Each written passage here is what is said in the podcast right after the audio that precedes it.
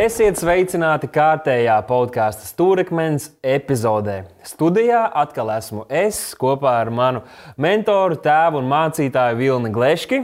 Un šodien mūs sagaida tiešām ļoti, ļoti interesanta, bet arī aktuāla tēma. Pirms tam es gribētu pateikties visiem, kas līdz šim esat bijuši aktīvi komentāru sadaļā, tāpat arī rakstījuši man personīgi. Tas ir ļoti, ļoti iedrošinoši un ir prieks arī ar jums sarunāties komentāros. Un gribu iedrošināt, ja jums ir kaut kas piebilstams par šo tēmu, par ko mēs runājam, kādas raksturvietas, kurām jūs gribētu norādīt, tad droši ierakstiet komentāros un uzspiediet īkšķi gaisā, ja jums šīs podkāsts šķiet noderīgs. Bet pirms mēs uzsākam šo tēmu, iesāksim ar lūgšanu. Tēvs, mēs pateicamies par Tavu klātbūtni, mēs pateicamies par Tavu vārdu, un mēs pateicamies, ka mēs varam sanākt šeit kopā, lai runātu par dažādiem jautājumiem, kuri ir, ir, ir svarīgi, lai tie tiktu celti gaismā. Un, mēs pateicamies Svētais Gars par Tavu vadību un, un, un spēju arī izskaidrot šīs lietas saprotamā veidā tiem, kas mūs klausās Jā, un skatās Jēzus vārdā. Amen. Un šīs dienas tēma, kā jau jūs redzat, virsrakstā ir kārdināšanas, pārbaudījumi un pārmācības vai pamācības no dieva puses. Neretais, jā, diezgan daudz šie virsraksti, un tomēr man šķiet, ka mēs spēsim iekļauties atvēlētajā laikā pieskarties katrai no tām.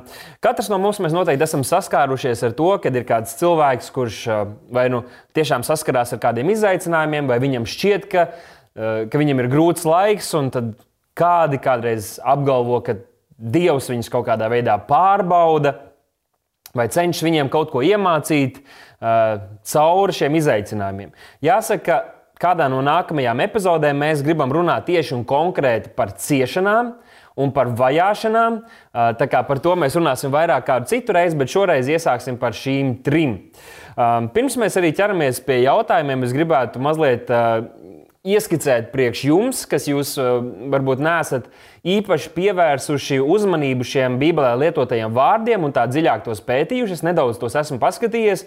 Un, uh, Bībelē tiek lietot dažādi grieķu valodas vārdi jaunajā derībā, bet katram no tiem ir diezgan plaša nozīme. Teiksim, mēs dzirdam šo vienu vārdu, vai nu kārdināšanas, pārbaudījuma vai grūtības, un mēs uzreiz saprotam, ka tas ir kaut kas viens pavisam noteikts. Bet Bībelē kaut vai šis vārds, kas Jēkabā vēstulē tiek tulkots kā kārdināšanas, ir šis vārds perais, peraismos kurš dažās citās vietās tiek tulkots kā grūtības vai pārbaudījumi, citvietā kārdināšanas. Tā kā ir ļoti arī jāskatās uz kontekstu, kur šī raksturvieta atrodas un kur šis vārds tiek lietots, lai mēs patiesi uz, uztvērtu to patieso vārda nozīmi. Bet iesāksim runājot par kārdināšanām. Kristīgā vidē, protams, šim vārdam, vārdam kārdināšana, un arī, man liekas, jebkurā citā vidē, piemīt tāda negatīva pieskaņa. Uh, tas nevar būt nekas labs, ja tas tevi kārdina. Bet varbūt sākumā mēs varam nodefinēt, nu, kas ir kārdināšana, runājot par kristīgu cilvēku. Kārdināšana, jā. Nu, uh, kārdināšana ir kā manipulācija, lai izmainītu tavu koncepciju par patiesību. Un tā, tā patiesība ir tāda, ka kārdināšanā uh, mēs nevaram iekrist, ja mēs viņu nepieņemam. Mēs teiksim, nu, un tas mūsu prāts, mums ir apbrīnojams uh, instruments, mūsu prāts.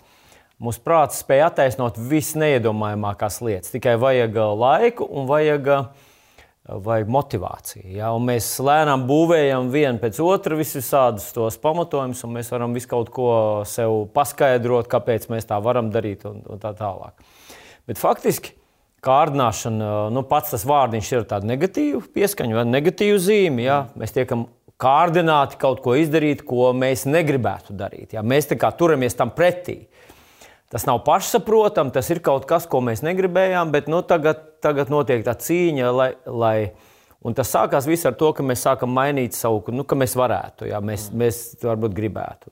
Tātad kāds manipulē ar mums, lai mēs spērtu kaut kādus soļus, kurus mēs negribējām spērt. Kur nesaskan ar mūsu teiksim, iekšējo šo vērtību sistēmu. Jā. Un varbūt jāpiebilst, ka kārdināšana varbūt tā pirmā asociācija var būt ar tādu seksuālu raksturu nu, piedāvājumiem, ja, kad vīrietis vai sieviete tiek kārdināti, bet tas var būt visdažādākajos veidos. Piemēram, nezinu, bērni ar savu rīcību var kārdināt tēvu vai mammu, rīkoties, kļūt emocionālam vai dusmīgam. Tas var būt kā savu drīzāk provocē. Jā, tā, tas nu, kaut, kas, kaut kas cits.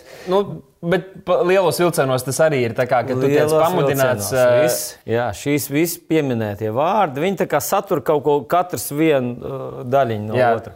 Savā darba vietā tu vari būt kārdināts, uh, redzot kaut kādu iespēju, darot uh, lietas, kuras nebūtu pareizas, rīkojoties tādā, nu pārkāpjot kaut kādus iekšējos noteikumus vai likumu, lai iegūtu savu kaut ko vairāk. Ja? Bībele jau runā par trīs veidu kārībām.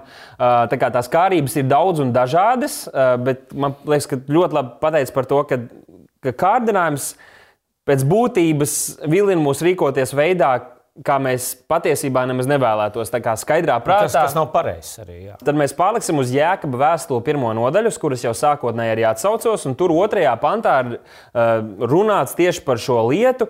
Uh, daudzi kristieši šo raksturvietu bieži pārprot. Ja? Uh, un, un, uz, rodas dažādi jautājumi. Es izlasīšu pirmos, tā, pirmo, tā, otro pantu. Un tur ir rakstīts, turiet mani brāļi, to par lielu prieku, ka jūs krītat dažādās kārdināšanās, krītat kārdināšanās, un par to ir jāpriecājas. Vai tiešām mums ir jāpriecājas, ka mēs krītam, pakrītam kārdināšanās?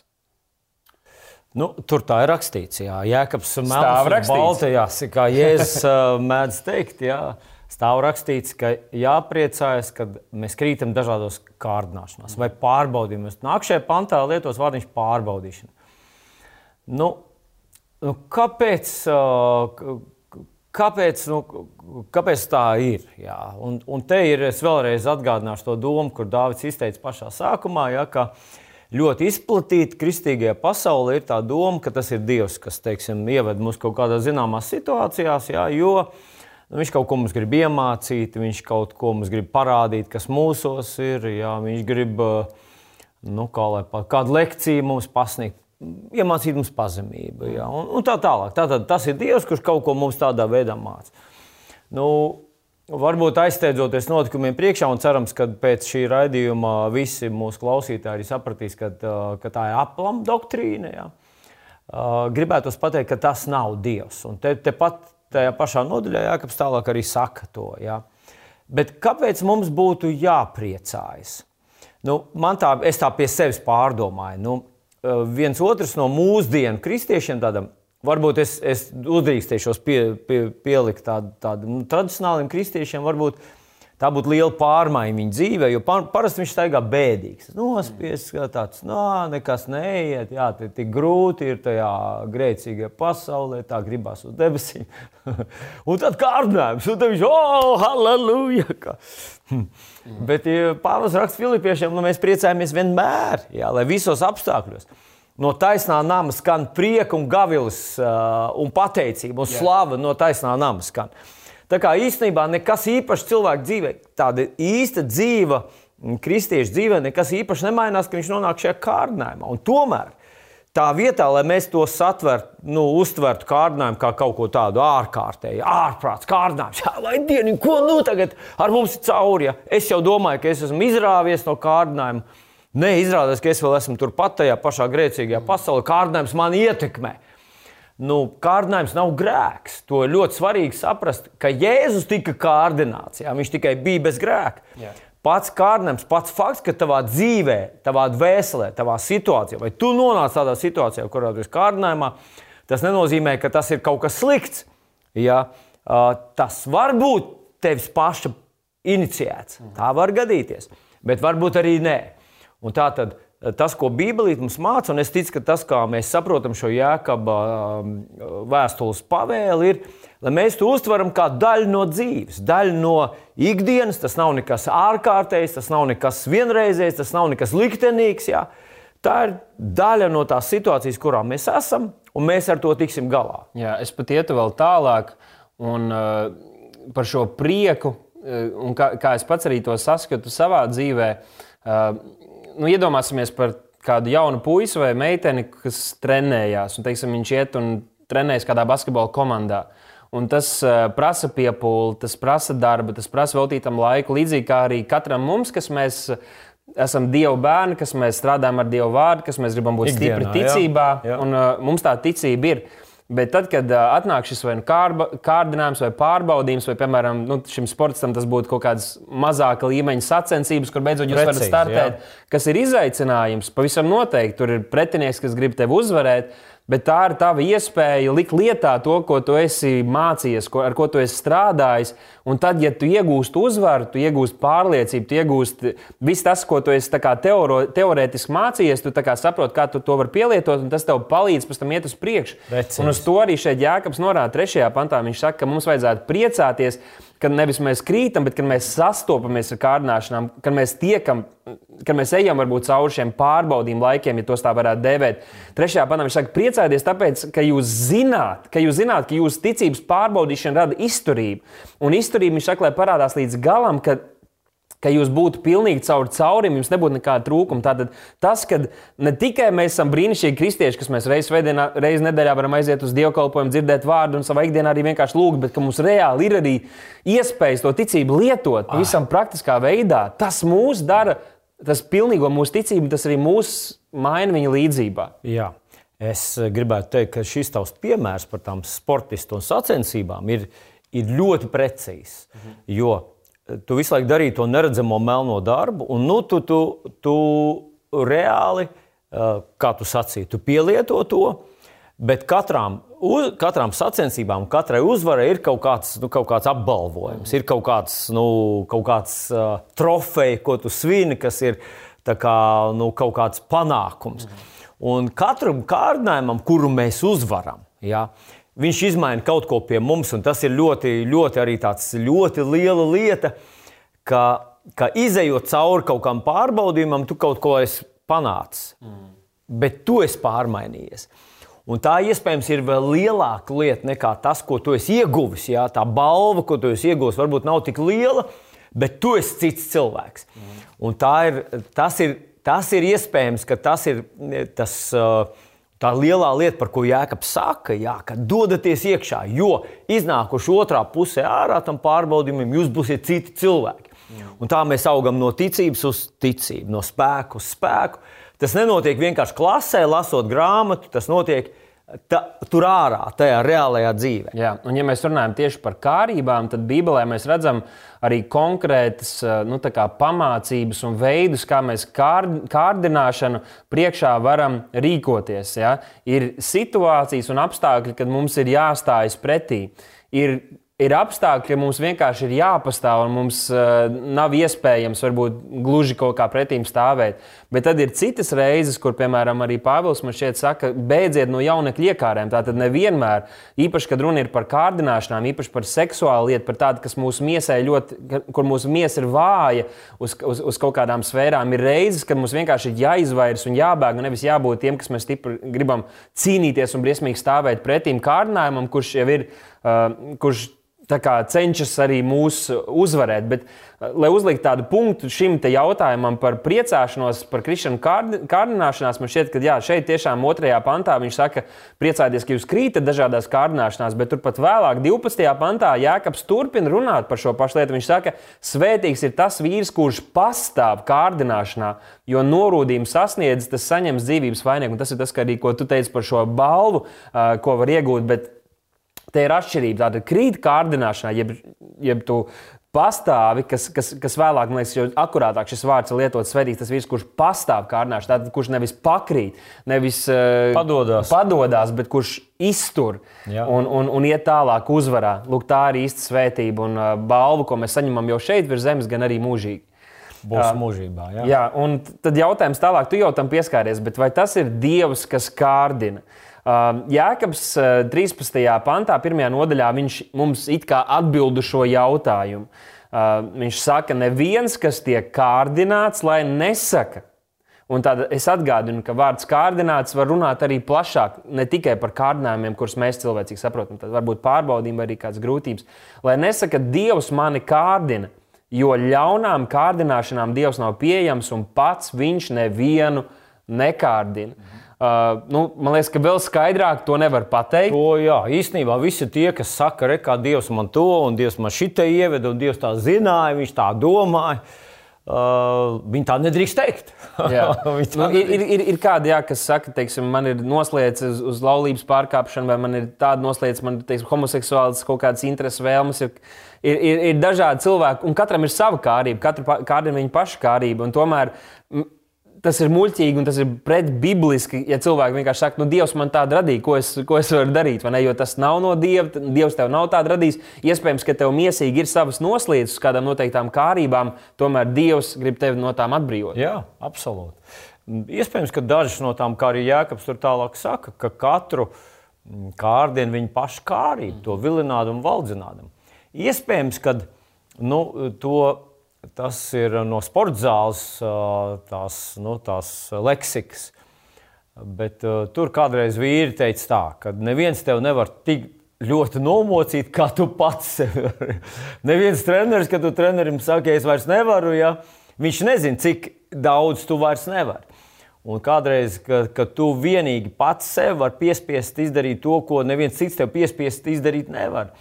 Un tieši tāpat arī tajās nepareizajās lietās. Neviens tevi nevar tik ļoti dziļi ievilkt tajā, kā tu pats lolodams savā dvēselē, savā domu pasaulē, ja, kā, kā šo, šīs kārdinājumi, tās, tās, tos augļus. Ja.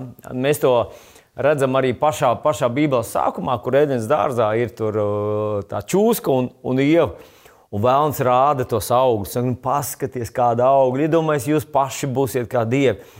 Un Ieva sāk par to domāt. Viņa par to domāja, domāja. Mēs nezinām, tur nav uzrakstīts, cik ilgi. Jā.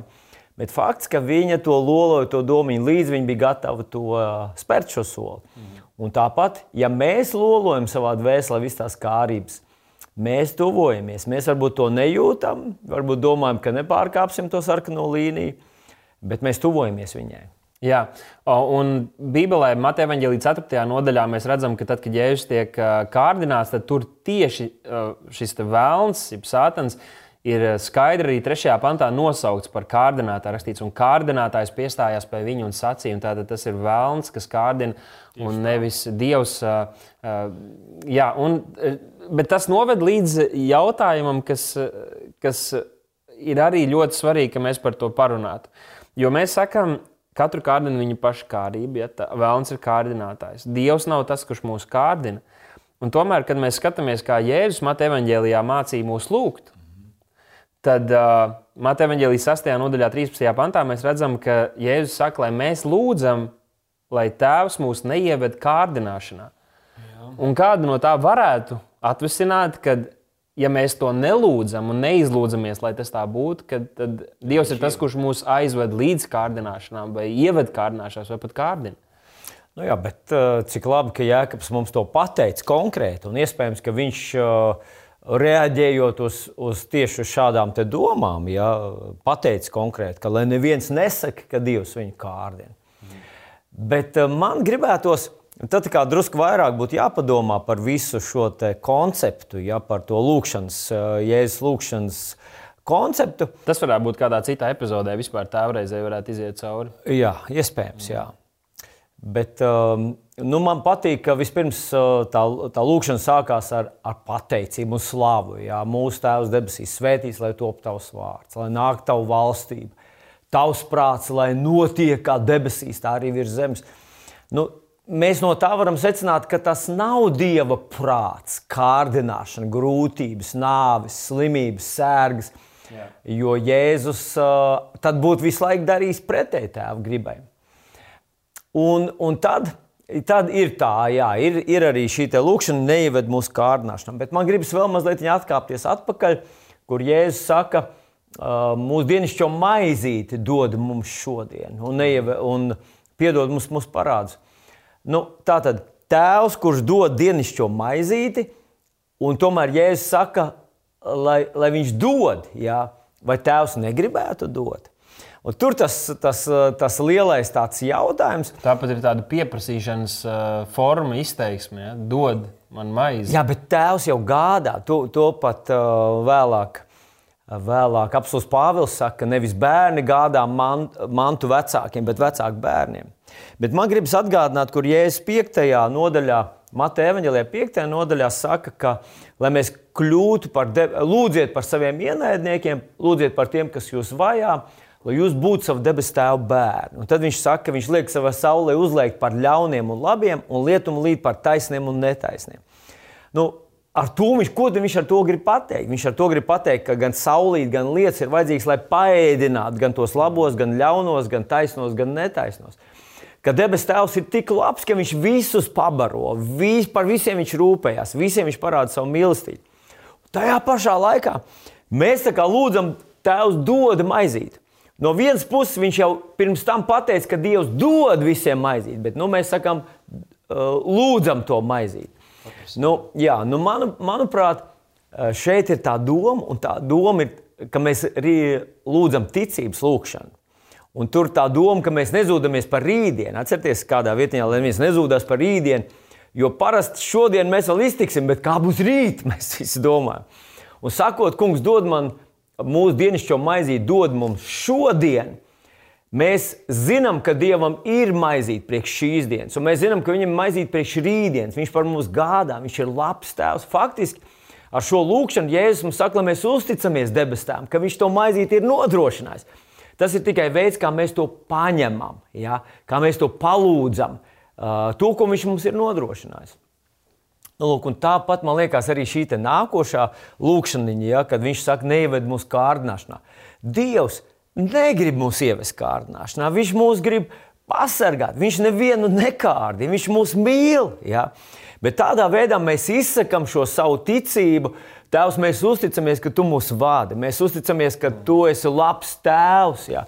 ka Tu mūs neievedīsi lamatās, ka Tu esi mīlošs, labs Dievs. Es piekrītu, un lai gan šī lūkšana tiek draudzēs lietota kā tāda vienojoša forma, ko e, reiz pa reizē draugs var kopīgi lūgt, e, Jēzus sākotnējā doma nebija, ka tā būs tāda forma, ko mēs vienmēr atkārtosim, bet gan viņš mācīja principus par to, kā mums būs Jā, uh, Dievu lūgt. Un arī šo te es tiešām uztveru. Uh, un tad arī, kad mēs to skaitām, es ļoti bieži šos vārdus tādā veidā nesaku. Es, viņus, uh, es pateicos, ka viņš mani pasargā no kārdināšanām un, Jā. un uh, nu, manā personīgā lūkšanā. Es tiešām domāju, ka šeit drīzāk tā bija modelis tam, ka mums ir jālūdz un jāpateicās par viņa vadību Jā. un par to, ka viņš mūs vada par šiem dzīves līkločiem, kur visapkārt ir kārdinājumi, ir grūtības un ir pārbaudījumi bet ka viņš mūs izvada tā, ka mēs tajos neieejam. Un patiesībā Mateja Vāģelī 26. nodaļā Jēzus teica saviem mācekļiem šādus vārdus: Esiet modrīgi un lūdziet Dievu, ka jūs neiekrītat kārdināšanā, jo gars ir labprātīgs, bet miesa ir vāja.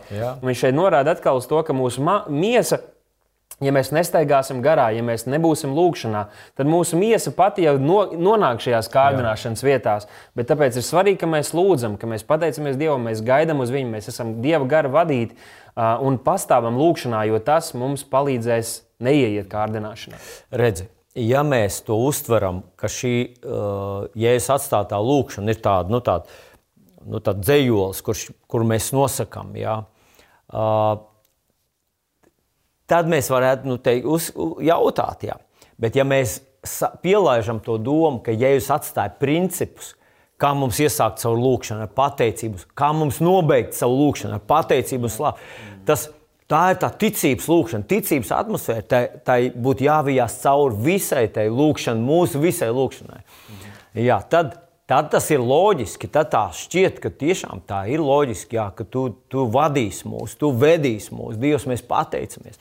Tad tas ir, tam ir jēga. Un tagad par pārbaudījumiem. Nu. Jāsaka, godīgi, ka es kalpošanu arī jau esmu vairākus gadus, un ik pa laikam sanāk tiešām runāt ar kādiem cilvēkiem, kas nesen ienākuši draudzē, kas ir bijuši dažādās vidēs. Tieši šo aspektu ļoti bieži var dzirdēt, kad ir cilvēks, kuram vai nu viņam pašam liekas, ka viņam ir ļoti smagi, vai tiešām ir kaut kāds grūts posms viņa dzīvē, un viņi to saredz kā dieva uzliktu pārbaudījumu zin, it, romiešiem ir teikts, ka Dievs visu vērš par labu tiem, kas viņu mīl.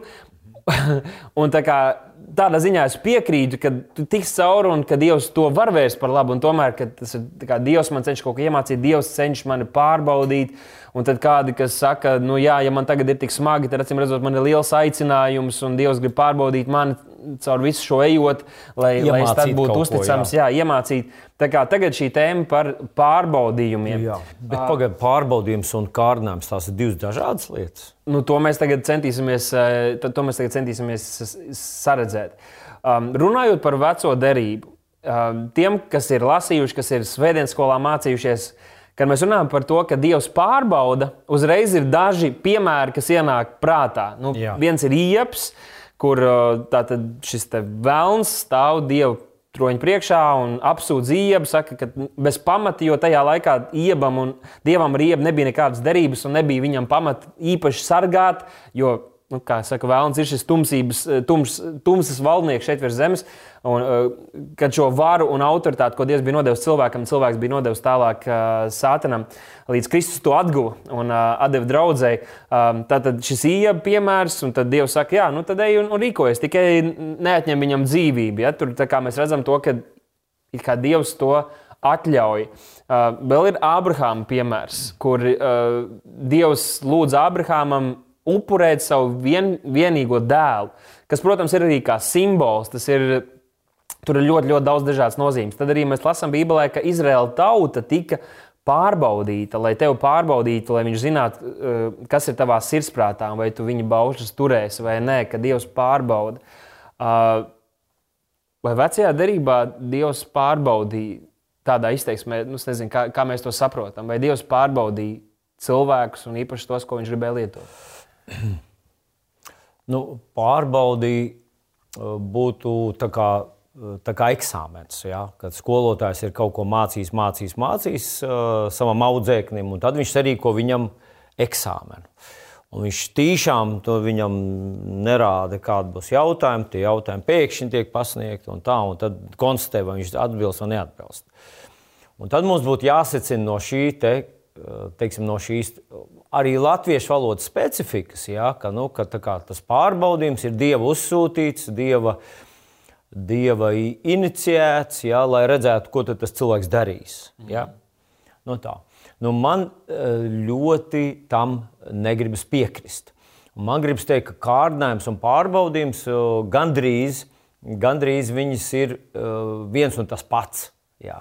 Varbūt mazliet tur niansēs kaut kas druskuļi atšķirās, bet tomēr arī pārbaudījumā arī ir sava zināma tāda nu, iespēja padoties, salūst, jā, neizturēt un nedarīt tā, kā ir pareizi. Nu, arī Ābrahāms bija kārdināts nepaklausīt Jā. Dievam.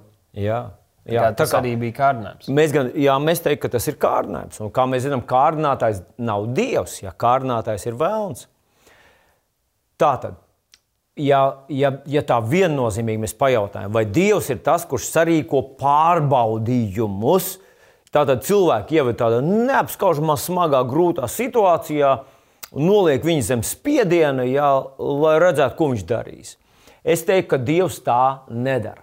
Dievs tā nedara. Dievs nesarīko šīs smagās un grūtās situācijas. Viņš ir tas, kurš tajā pašā laikā viņš ir tas, kurš vēlas vai sagaida no cilvēka kaut kādu konkrētu rīcību, sadarbību ar viņu, vai pozitīvu atbildi uz Dieva apsolījumiem, uz Dieva mīlestību. Un stāstā ar Abrahāmu un Dievu, Dievs tiešām sagaidīja no viņa paklausību. Un kā mēs zinām, Ābrahāma paklausība ietekmēja milzīgas kaut kā ie- iedarbināja milzīgi lielu mehānismu, ka Dievs varēja dot savu dēlu, tāpēc ka Ābrahāms atdeva savu dēlu. Tas bija ļoti nozīmīgs solis, tas bija ļoti svarīgs solis. Un tomēr vai, vai Ābrahāms atradās grūtā vietā? Jā, jā. Vai Dievs gribēja no viņa paklausību? Jā.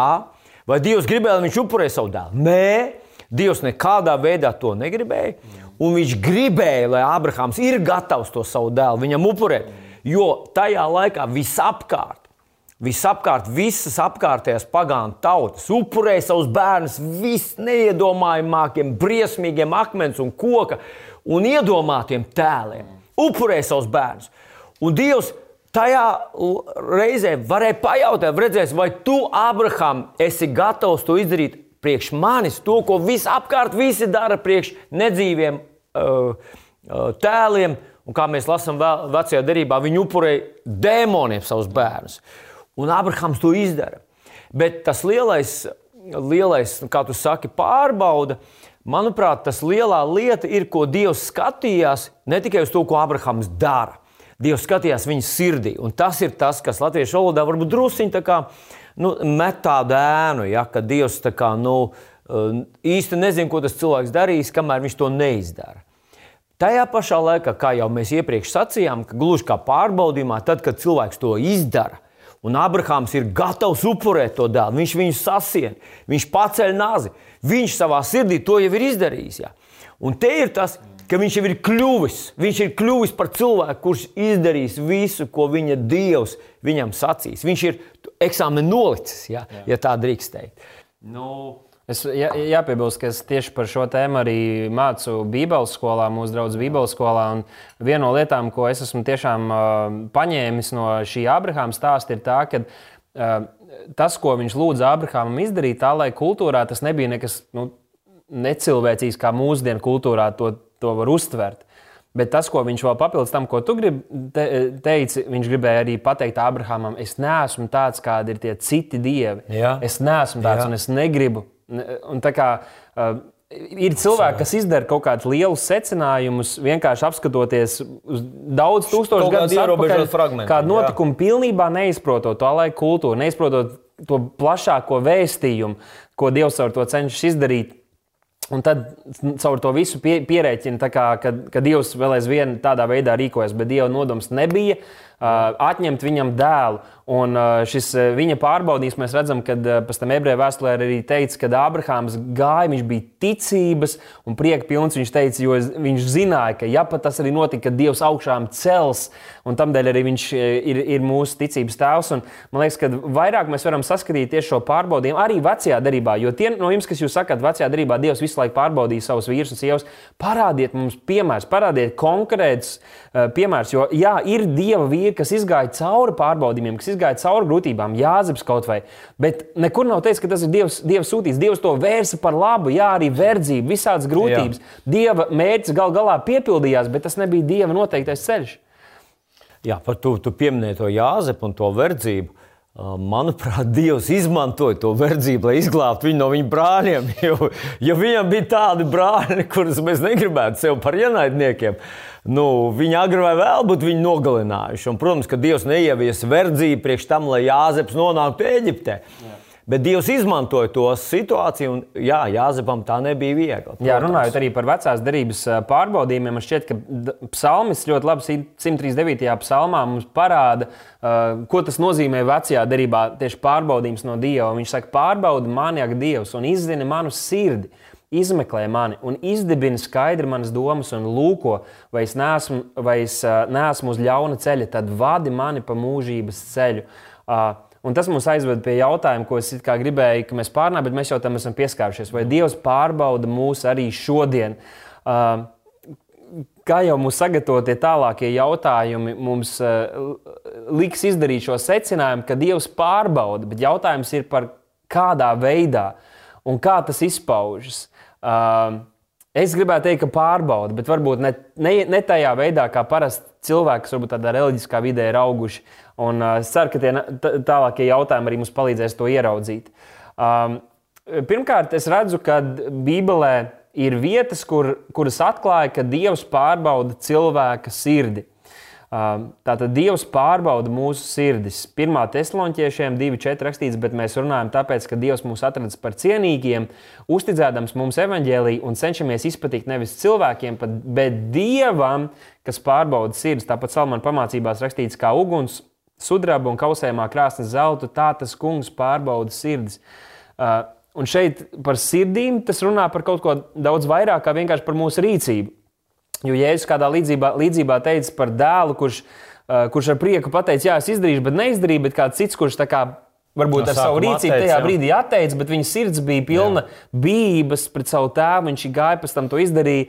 Uh, Vecajā darbā, jaunajā darbā mēs redzam, ka Dievs vērtē cilvēku nevis pēc viņa tikai darbiem, nevis tikai pēc viņa izskata vai kaut kādas āršķirīgas dievbijības izpausmēm, bet uh, pēc sirds, un Dievs pārbauda sirds.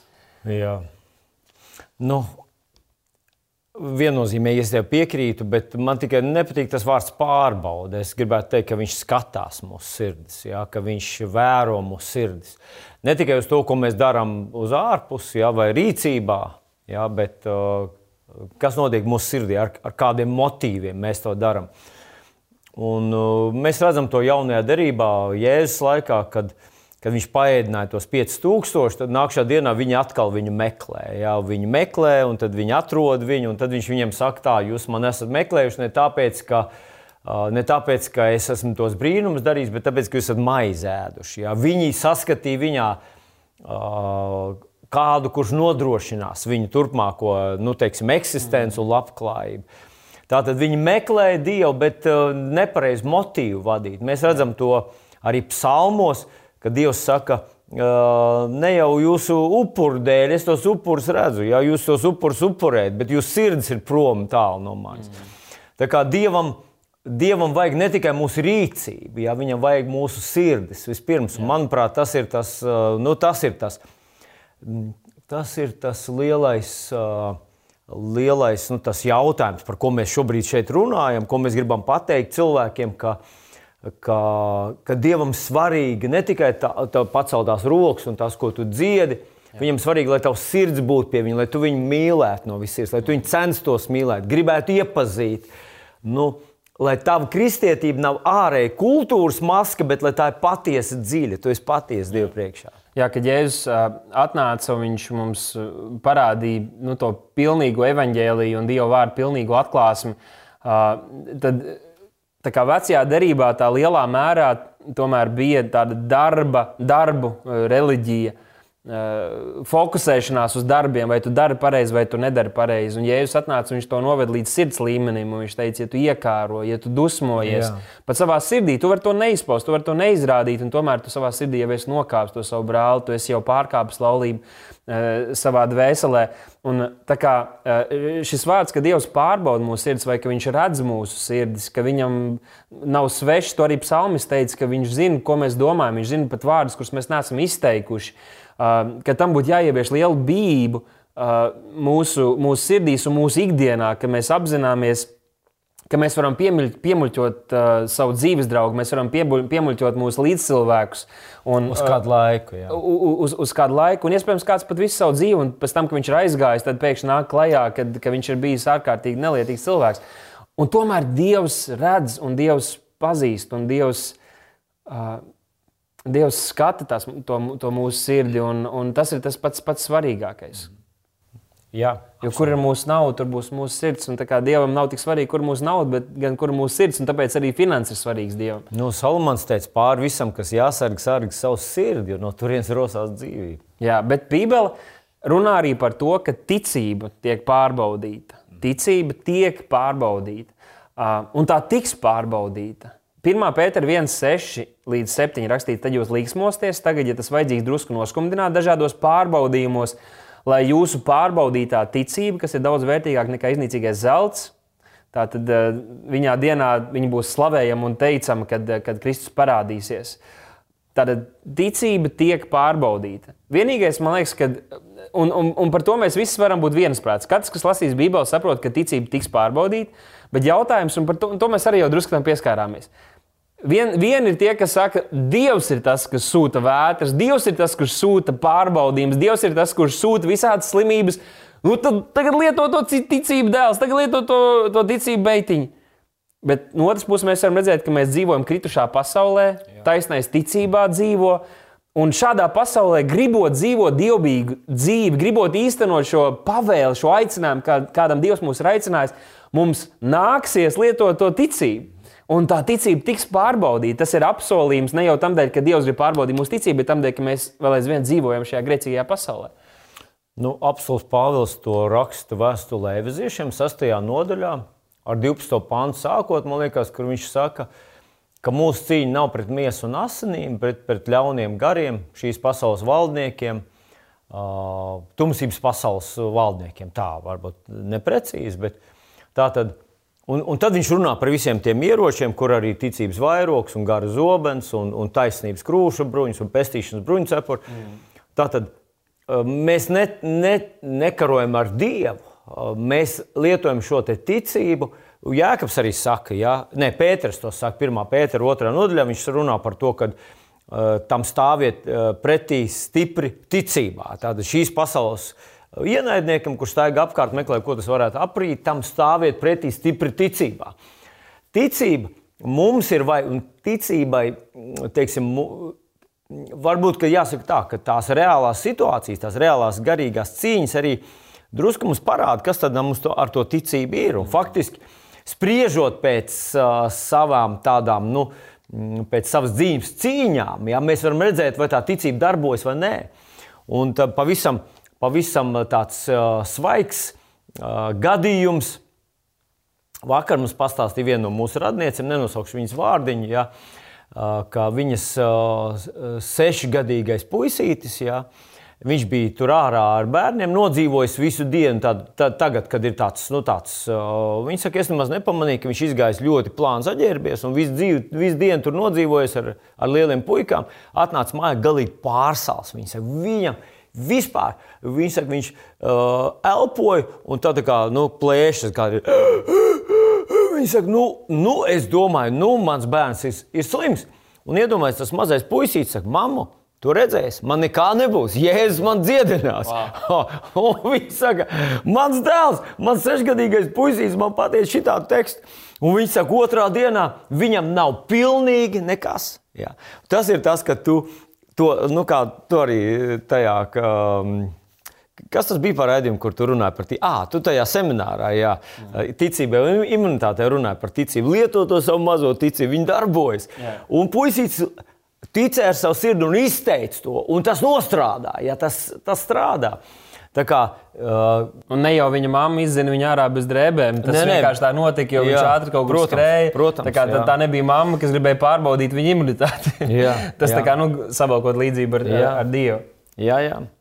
Nu, bet, kā, uh, man gribējās pieminēt to, to teikumu no Mata evanģēlīja, kur um, Jēzus teica, ka nekas, kas ir apslēpts, netaps, uh, nekas, kas ir slepens, uh, nepaliks, nu, tiks atklāts. Ja.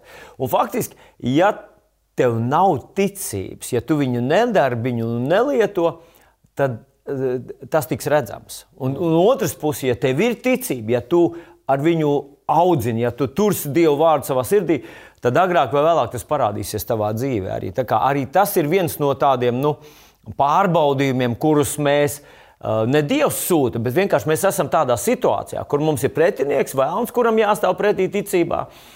Un mēs atrodamies situācijā, kad divi titāniskas valstības, uh, Dieva valstība un, un Vēlna visa valstība, sadurās. Un mēs esam tur, kaut kur esam tajās situācijās. Tā kā uh, Kā, tas ir neizbēgami. Ja šādas situācijas, pārbaudījumi, grūtības, kaut kāda satricinājuma viņi radīsies, un mums tāpēc vajadzīga šī ticība, mums tā jālieto.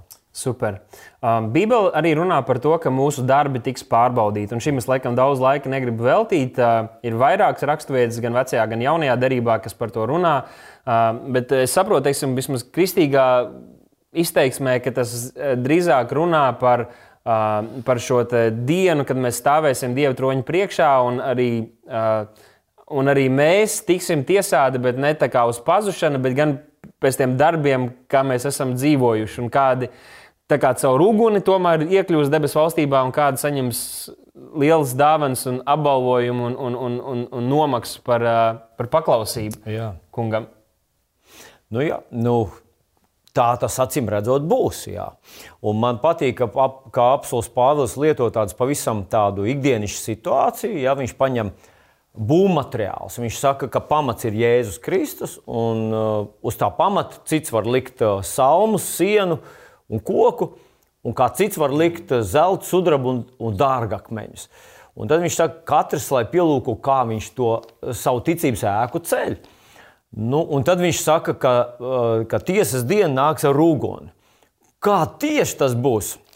Mēs īstenībā nesaprotam, Bet uh, acīm redzot, ka tie darbi, kas tiek darīti nu, kaut kādu citu iemeslu dēļ, ne tāpēc, ka Dievs to ir uzticējis, ne tāpēc, ka tas ir svētais gars, kas tevi vadīs un tu esi darījis to mīlestībā, bet tu kaut kādu citu iemeslu dēļ. Jā. Nu, nu, ne, nezinu, kā, tu, tu gribēji kādam kaut ko pierādīt, tas labi darbojas, uh, tu kļūsi populārs tādā veidā. Nu, nu, kaut kāda tāda absolūti cilvēciski iemesli. Mm tad tie izrādīsies, ka tie nav uh, neiztur uguni. Ja? Un uguns to sadegs, un nekas no tā nepaliks. Būs palicis tikai pamats Jēzus Kristus. Jēzus mans kungs, un nekā man cita nav. Mm. Nu, labi, ka tā, ja tu tiks glābts. Bet labāk ir, ja tu to dari Dievam par godu, ja tu meklē viņa godu, ja tu nemeklē izpatikt cilvēkiem. Uh, bet meklē izpatikt savam kungam, svētais gars tev vada mīlestība. Tad tie ir, nu, tie ir dārgakmeņi, ja tie ir kaut kas, ko uguns nesadedzinās. Un jā, acīm redzot, arī tajā, nu, tajā beigu, tajā tiesas dienā, ja šie mūsu uh, Varbūt kāds, jā, varbūt kāds no tiem, kurus mēs apbrīnojam no tālruņa, skatāmies, vai viņam followings tāds liels, un viņš tur visi tur skatās viņa rullīšus, un viņš tur, viņš tur satricina visu valsti, jā, kā, kā tā. Nu, Varbūt izrādīsies, ka Dievs viņam no, nemaz to nav licis darīt. Jā, es tieši gribēju, es atvainojos, gribēju tieši uzsvērt šo lietu, ka ir tik būtiski, lai mēs nemēram uh, savu dzīvi savas attiecības ar Dievu un, un, un to savu kalpošanu, savu aicinājumu ar citiem. Un neskatāmies uz kādu, kam varbūt. Nu, var arī kādi ir aicināti teiksim, šajās kalpošanas dāvanās, bet tas Dieva priekšā nevienu nepadara par lielāku vai augstāku. Katram mums ir jābūt atbildīgam par to mūsu dzīvi. Un tā kā tu agrākos laikos, eh, draudzē, bieži teici par kaut kā teiksim, mācītāja vai kalpotāja, kas ir kaut kādā ugālē vai popē, un ja viņš tur ir uzticams, un viņš tur paliek ar tiem saviem cilvēkiem, vai tas savā ģimenē, vai savā biznesā, un tu godini Dievu, un tu sludini evaņģēliju, un tu strādā ar tiem dažiem cilvēkiem, kas ir tev līdzās, lai darītu viņus par mācekļiem, tad Dievs to redz. Un tava alga, ja tu esi simtprocentīgi uzticams pie tā aicinājuma, kas Dievam ir pār tavu dzīvi, tad uh, Dievs negaida un, un neprasīs tev neko vairāk. Viņš būs apmierināts un laimīgs un priecīgs par to, ka tu esi bijis uzticams pie tā, ko, kam viņš tev ir aicinājis. Tu esi bijis uzticams pie mazuma, es tev iecelšu par daudzumu. Jā. Uzticība. Uzticība ir pirmā lieta, jā, kas ir svarīga Dieva valstībā. Un, uh, tas mūs noved pie jautājuma par uh, nu, pēdējo jautājumu par pārbaudījumiem, kur 1. korintiešiem 10.13 ir raksturvieta, kas uh, visu šo var sagriezt kājām gaisā. Un jūs jau zināt, ka mēs katru reizi jums sakām, ka nevar doktrīnu veidot no vienas raksturvietas. Un tomēr man šķiet, ka arī ļoti pareizi un bibliski var šo raksturvietu arī uztvert, un tā var tiešām nākt par iedrošinājumu mums šodien. Tātad tajā rakstīts, jūs ir piemeklējis vēl tikai cilvēcīgs pārbaudījums. Dievs ir uzticīgs. Viņš neļaus jūs pārbaudīt pāri par jūsu spējām, bet darīs pārbaudījumam tādu galu, ka varat panest. Lūk, te atkal cilvēki var teikt, redziet, labi, Dievs varbūt nesūtīja to pārbaudījumu, bet Dievs parakstījās uz tā pārbaudījuma, uzlika savu parakstu. Jā, pie Dāvida šis var iet, Toms to nevarētu panest. Jā, tur uh, Anna Zanīte to nevarēs, bet piemēram Dāvids to var. Un tā kā labi, šito dosim Dāvidam. Vai tā mēs to saprotam, vai mēs tur redzam arī kaut ko kaut kā citādāk, arī tas sakrīt ar to, ko pārējā Bībelē mums attēlo Dievu. Katrs, labums, katrs labs devums, katrs pilnīgi dāvana nāk no augšas. Nu, es neredzu šeit nekādu, nekādu atšķirību. Es redzu, ka tieši pašu, tas pats princips te ir saglabāts, ka, ka pārbaudījumi būs, kaut kādas grūtības uh, cilvēku dzīvē būs.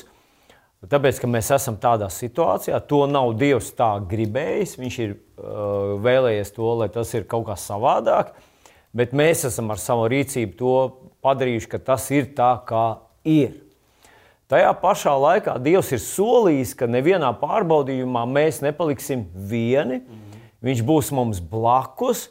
Un, uh, domāju, ka viena no tādām, tādām ļoti lielām atziņām, ko mēs varam no šī, ar, šīs raksturvietas mācīties, ir, ka pārbaudījums uh, nav nekas tāds unikāls. Ja tavs pārbaudījums nav kaut kas tāds, ko neviens cits nevar saprast, neviens nevarētu izturēt. Tu esi nabadzīgs, jā, tev vienam tādas, tevi plosa tādas dziņas, tādas kaislības. Vienīgais, ko tu vari izdarīt, ir padoties. Tad viņš saka, ka nē, tu esi sastapies ar pavisam parastu cilvēcīgu pārbaudījumu. Tūkstoši un tūkstoši tam ir izgājuši cauri, uzvarējuši to. Tāda paša puika un meitenes, tāda paša vīra un sievas ir miljoniem izgājuši viņam cauri. Un tas ir kādreiz vēl tā stratēģija, ko viņš saka, nevienam nesaka, ja tev vienīgam tā ir, neviens tev nesapratīs. Uh, Un tas ir tas, ko viņš grib. Nu, daļa no pārbaudījuma spēka vai no grūtības spēka ir tā, ka, ka, nu, ka tu, tev liekas, ka tas ir vienkārši murgs. Jā, tu, tu Dievs nevar prasīt, lai tu tā mocies. Uh, Nē, ka tu saproti, ka nē, tas jau ir normāli. Tā ir visiem tā ir. Visiem, kas ir bijuši pirms mums un iespējas tevis, viņiem viss. Un tas jautājums, ka tu ar to vari tikt galā. Tāpēc, ka jā. tūkstoši ar to tikuši galā. Un tu neesi viens tajā. Man liekas, jā, tiks, jā. tāpēc mūsu draudzē ir mazās grupas. Kaut vai kad vīrs vai kāds students, kurš ir skolā, kuram liekas, ka viņš vienīgais visā pasaulē ir saskarās ar tādām grūtībām, vai iet, iet caur tādam izaicinājumam, ka Tas tu aizēji uz finansiālu, ka tu aizēji uz grupu un tu, tu redzi, ka tur ir uh, kāds, kurš saka, man tieši, es tieši to pašu cīnos, es tieši to pašu cīnos, es jau tam esmu ticis cauri. Jā. Tas tev tik ļoti stipri un atvieglo. Bet vēl piebilstot par šo, par šo pašu raksturvietu, jā, tu teici par cilvēcīgu pārbaudījumu. Um, Dievs darīs galu, kad angļu valodā teiks, ka jūs varēsiet izbeigt, ka, te, ka jūs varēsiet to, to panest. Bet uh, es gribētu savilkt to kopā ar vārdiem, ko Pāvils um, teica nākamajā savā nu, vēstulē, ko viņš sūtīja korintiešiem, tas ir otrajā korintiešiem, kur viņš stāstīja par, uh, par vajāšanām, par ciešanām, ar kurām viņš ir saskāries Kristus dēļ. Tad viņš saka, es esmu vairāk kārt lūdzis, lai tās atstātu mani. Uh, kur viņš vēlāk izdara secinājumus, ka tiem, kas grib dievbijīgi dzīvot, nāk, tie tiks vajāti. Jā. Bet ziniet, ko Dievs viņam atbildēja uz šo lūgšanu? Viņš saka, lai tās ciešanas atkāpjas no manis, lai tas vairs nenotiek ar mani, kas ir vajāšanas, viņa, viņa kalpošanas evaņģēlī dēļ. Tad Dievs viņam saka, tev pietiek ar manu žēlastību. Pāvils uzskaita tik daudzas lietas, ka viņš izgāja cauri, kas ir ārkārtīgi smagas. Es domāju, jebkurš mūsdienu cilvēks, varbūt ir daži, kas kaut, tuvu, kaut ko līdzīgu ir piedzīvojuši, bet tik daudz pazemojumu, tik daudz ciešanu, tik daudz sāpes. Un Dievs viņam saka, tev pietiek ar manu žēlastību. Un paskatieties, 2. korintiešiem 12.9. Viņš saka, tev pietiek ar manu žēlstību, tad Dievs saka, jo mans spēks nespējā varens parādās. Un tad Pāvils saka, tad daudz labāk lielīšos ar savu nespēku, lai Kristus spēks nāktu pār mani. Un tas nozīmē, ka vienalga, kādas pārbaudījums arī mēs saskaramies ar kādiem, tie ir cilvēcīgi, ir cilvēki Ir kristieši, ir cilvēki dažādās pasaules malās, kas vēl iet cauri smagākiem apstākļiem, bet mēs esam spējīgi tos izturēt, Dievs izvedīs mūs cauri, un pat ja mēs atdodam, atdosim savu dzīvību un būsim par asinslieciniekiem kādu dienu Kristus dēļ, tas tik un tā ir tikai sīkums. Un Pāvils bija viens no tādiem vīriem. Dieva žēlstība viņu veda cauri visiem pārbaudījumiem, kas bija viņa dzīvē, līdz kā dienu viņš varēja piedzīvot augstāko pagodinājumu, kādu Dieva bērns var piedzīvot. Jā. Jā, un nu, mēs ar to, ar, ar šo tekstu negribam pateikt, ka, ka tas viss ir sīkums, ar ko cilvēks saskarās. Un, nu, dien, cilvēkiem ir arī grūtas, smagas, nesaprotamas situācijas. Un nu, dienā kādreiz tu skaties uz kādu cilvēku un, um, un domā, te ir varoņi, ja, te ir varonis, kāds māsa vai brālis, Arī mūsu draugi ir, ir cilvēki, kur vērojot viņu dzīvi, viņu kalpošanu, es saku, ka man gribas novilkt savu cepuru un dot godu ja, tiem cilvēkiem, kas iztur ļoti liels grūtības. Bet tajā pašā laikā man gribas teikt, ka šo pantu arī var uzskatīt par apsolījumu, uz kuru balstīties un teikt, Dievs, es ticu, ka es varu izturēt šīs grūtības, ka tu dos man spēku, palīdzēs iziet līdz galam. Un es varbūt negribu nosaukt nekādas konkrētas lietas vārdā, bet uh, kas arī cilvēku kristiešu dzīvē nenotiktu, mēs zinām, ka autors nav dievs. Tas nav dievs, kurš ne pieļāva, ne ieplānoja, ne pavēlēja, ne vēlējās, ne novēlēja šīs smagās lietas. Bet viņš apsolīja, ka viņš palīdzēs tev iziet tam cauri. Un tas ir skaidrs arī no šī panta. Mēs redzam, ka vienu dienu viņas beigsies. Jā. Vai beigsies šā vai tā, bet tu vari tam grūtībām, pārbaudījumam, kārdināšanām uguns ceplim, tu vari tam iziet cauri. Ja vien tu atļauj, lai, lai Dievs tevi uzrunā, ja tu ļauj, lai viņa tā koncepcija par to, ka tu esi uh, radīts stiprāks, tu esi izmainīts tik ļoti, ka tu vari izturēt to, ko agrāk domāji, ka tu nekad nevarēsi, un uh, pagodināt Dievu ar savu dzīvi, ar savu kalpošanu, ar savu izturību. Jā. Ka tu to varēsi izdarīt. Nu, tā man gribētos nobeigt. Fantastiski. Uh, pēdējais jautājums. Tad vēl mums būs par pamācību, par pārmācību. Uh, Um, kur arī jaunajā derībā runā par to, ka Dievs pārmāca uh, savus bērnus un pārmāca nu, mūs, kas mēs sekojam viņam. Un, uh, liekas, ka tik labi jau tu, tu savilki to visu kopā, un es mazliet ieskicēšu sākumā, kā es to uztveru, un tad tu varēsi smuki tā savilkt, uzlikt bantīti kopā, un tad mēs arī būsim uh, savilkt bantīti un būsim, būsim noslēguši. Uh, ir, ir, ir, ir dažas raksturvietas, kur, kur tiešām mēs to tā redzam. Pirmā korintiešiem 11 rakstīts, ja mēs paši sevi pārbaudītu, tad netiktu sodīti. Bet sodīdams tas kungs grib mūs pārmācīt, lai ar pasauli netopam pazudināt. Tāpat ebrejiem vēstulē 12. nodaļā tur tāds lielāks fragments ir, kur runāts ir par, par pārmācību, par šaušanu, ko tas kungs mīl, to viņš pārmāca un šauš. Tad viņš saka, pacietiet pārmācību, Tāpat arī atklāsmes grāmatā ir eh, rakstīts, jo ko es mīlu, to es pārmācu un pamācu, tad nu iekarsies un atgriezies. Uh, pirmkārt, man šķiet, ka ir svarīgi, lai mēs saprastu, ka ir atšķirība starp sodu un pamācību, uh, jo mēs neesam uh, šeit, mēs esam brīvi no soda, mēs esam brīvi, jo Jēzus uzņēma, uzņēmās uz sevis visus mūsu grēkus un slimības un arī mūsu sodu, tā kā no tā mēs esam brīvi. Tad jautājums ir tas, vai ne, no kā mūs, kas jau esam paglābti no soda, no kā Dievs mūs vēl cenšas pasargāt ar pamācību ar pārmācību dažās vietās tiek lietots šis vārds.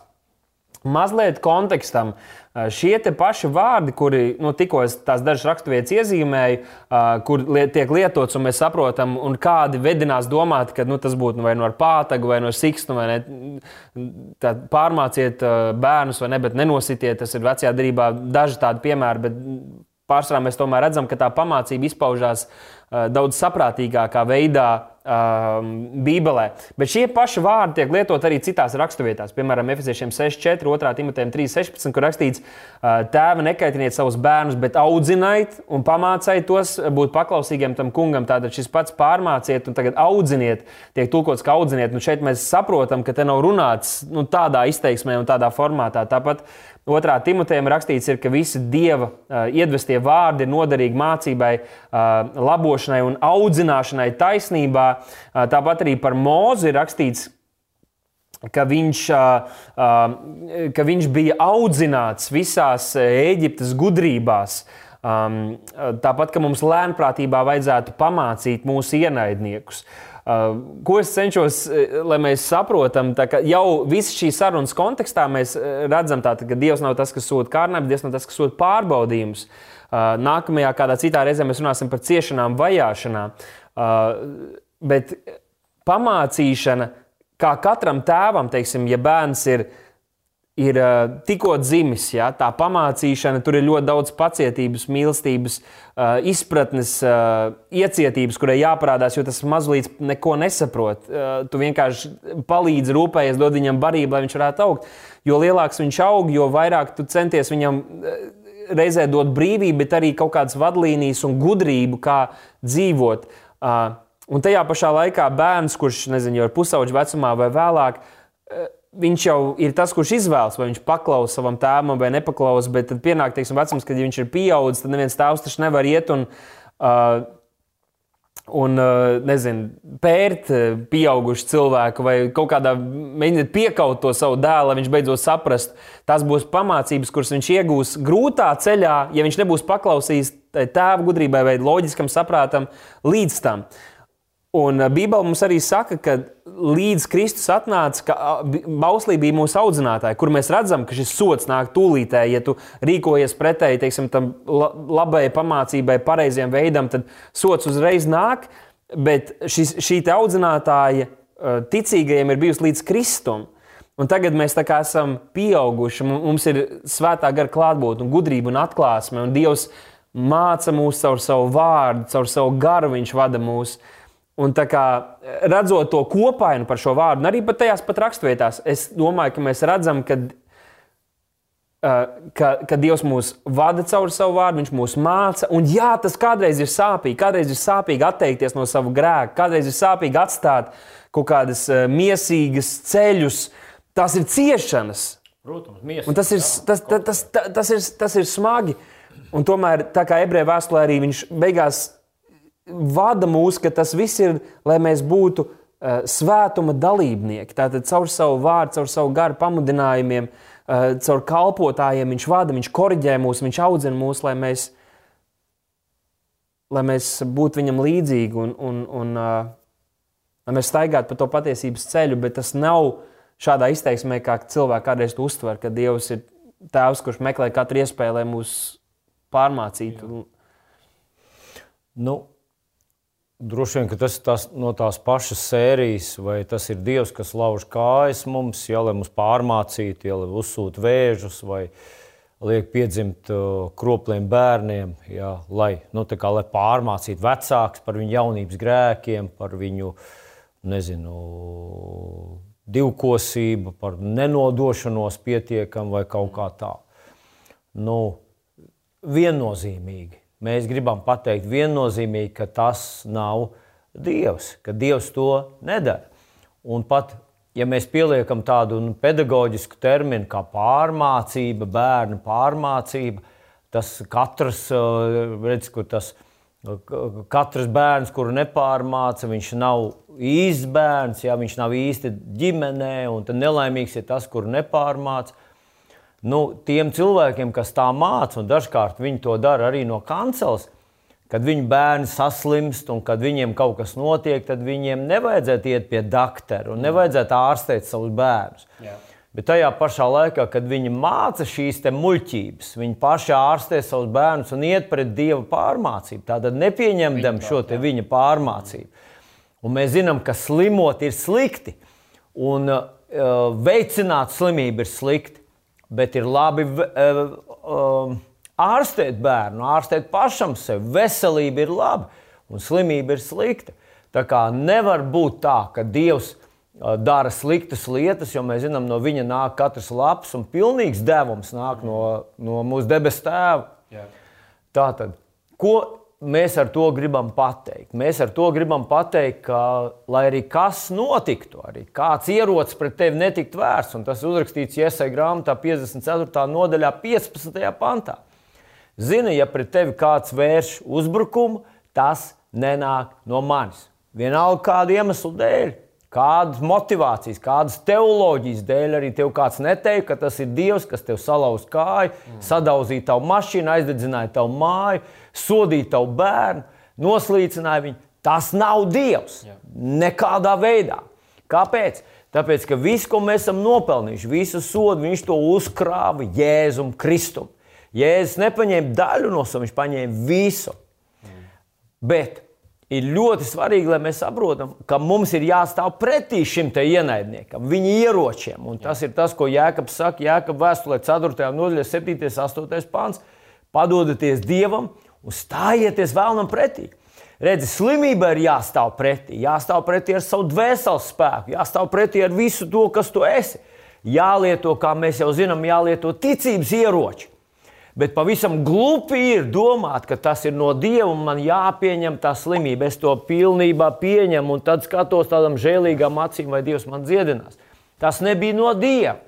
Un tas ir ļoti nepareizi pieņemt, lai ienaidnieks iekaro tavu valsti un tad gaidīt, lai Dievs uh, uh, atbrīvo to. Man, uh, ja? man šķiet, ka viens no iemesliem, kādēļ arī ticīgi cilvēki ir izvēlējušies iet šo ceļu un kādreiz savas uh, nu, grūtības uh, uzvelt dievam, uh, pirmkārt, varbūt paši jūtas garīgāk, mazliet tādā veidā, bet ir vieglāk tā dzīvot un ir vieglāk tā turpināt. Uh, Es tā domāju, ka ir vieglāk turpināt dzīvot, ka tev ir kādu ko vainot, kas neesi tu pats. Kurš ir liels? Un, un, un, un bieži arī notiek kaut kādas lietas mūsu dzīvēm, kur mēs pat neesam vainīgi. Jā. Mēs vienkārši dzīvojam tādā sabojātā pasaulē, kad notiek nelaimes. Ir cilvēki apkārt mums, kas dara neapdomīgas lietas, kā rezultātā kādreiz kāda mums tuvu cilvēka vai mēs paši ciešam. Bet tikai lai mēs paši justos labāk, vai citu acīs mēs iegūtu kaut kādu garīgāku stāvokli, mēs nevaram sagrozīt Dievu vārdu un pamest kā, Dievu zem, zem, zem, zem, zem riteņiem, jo Bībele mums skaidri atklāja, un mums nevajadzētu tā darīt. Un, Uh, es gribētu iedot divas raksturvietas, kuras tu jau pieminēji, Jēkab 1,17, tie, kas, kas jūs uh, cīnāties varbūt ar, ar šādām domām. Jēkab 1,17 rakstīts, ka katrs labs devums, katra pilnīga dāvana nāk no augšienes. No gaismas tēva, pie kura nav ne pārmaiņas, ne pārgrozības ēnas. Tātad viņš nemainās, un no viņa nāk labas un pilnīgas dāvanas. Tāpat arī Jāņa 10, 10 Jēzus teica, zaglis. Tas ir vēlns, tas ir mūsu ienaidnieks. Viņš nāk vienīgi, lai zaktu nokautu un nomaitātu, bet tad Jēzus teica, es esmu nācis lai tiem būtu dzīvība dzīvības pārpilnība. Nevienā vietā Bībelē mēs neredzam, kad, uh, ka kaut kāda veida slimības, uh, kaut kāda veida problēmas uh, tiktu uzskatītas par svētību. Tas vecajā darbā bija lāsts, kas nāca par nepaklausību, Jā. par sacelšanos par Dievu, un jaunajā darbā gan Jēzus, gan apstākļi to sauc par vēlnu darbiem, un Jēzus gāja tos iznīcināt. Jā. Tajā pašā laikā mēs gribam pateikt, ka jā, tur būtībā ir reāli rakstīts, ka pārmācība. Nu, kā tad Dievs pārmāca? Un otrajā vēstulē Timotejam, trešajā nodaļā, 16. pantā, jūs varat to palasīt uzmanīgi. Tur ap, aprakstīt visa dieva pedagoģija, tur ir uzrakstīta. Un tā ir rakstīts, ka viņš lieto savu vārdu. Un tas vārds ir, lai norātu, lai, lai korģētu, lai vainu pierādītu. Kādreiz, kad tu lasi Bībelī, tas vārds uzrunā tevi un saka, hei, tu esi rīkojies nepareizi. Tā Dievs nav gribējis. Tu esi Un kas vēl ir? Dažreiz darot nepareizi, mēs dodam iemeslu vēlnam, un vēlns mūs var sist, bet tas nav Dievs. Un tad, lasot vārdā, mēs saprotam, viņš mums izskaidro, kādā veidā mēs esam izgājuši no Dieva apsardzības loka un palikuši vēlnu teritorijā, nesargāti, nelietojuši varbūt savus ticības ieročus, un tāpēc esam saņēmuši sitienu. Bet tas nekad nav Dievs. Tātad Dieva pedagoģija ir viņa vārds. Un tas vārds ir spējīgs Dievu bērnu uzaudzināt, lai viņš ir pilnīgs, gatavs katram labam darbam. Un tā ir tās metodas, kuras Dievs lieto. Un tas mums ir ļoti svarīgi to sev atkal un atkal paskaidrot, atgādināt, ka tas, kurš man iesit, nav Dievs. Dievs man pamāca, vada, korģē caur savu vārdu. Un tāpēc mums tas vārds ir jāņem vērā. Tas nemainīsies, tas ir Dieva ierocis, Dieva rīks, un tas ir absolūti efektīvs. Absolūti Dieva vārds ir ļoti efektīvs. Jā. Viņš var palīdzēt tev tikt galā ar lietām, kuras tu šodien vēl nesaproti un nevar pieņemt. Rīt tu tā sapratīs un pieņems un ieraudzīs, kāda gudrība tajā ir. Bet tas ir tas, ko mīlošais debes Tēvs arī lieto. Jā, paldies par sarunu, paldies, ka jūs skatījāties, ka jūs klausījāties. Atgādinu, ka jums, ja, šī, ja jums šī saruna nāca par svētību, tad ielieciet to īņķi gaisā. Tas mums ļoti, ļoti palīdzēs. Tāpat arī iedrošinu jūs rakstīt man personīgi, vai īpaši šeit pat komentāros. Tas palīdzēs algoritmiem, lai šie video var aizsniegt vairāk cilvēkus. Ja jūs piekrītat, nepiekrītat, ir kādi jautājumi, komentāri, droši izsakieties, parunāsimies arī tur.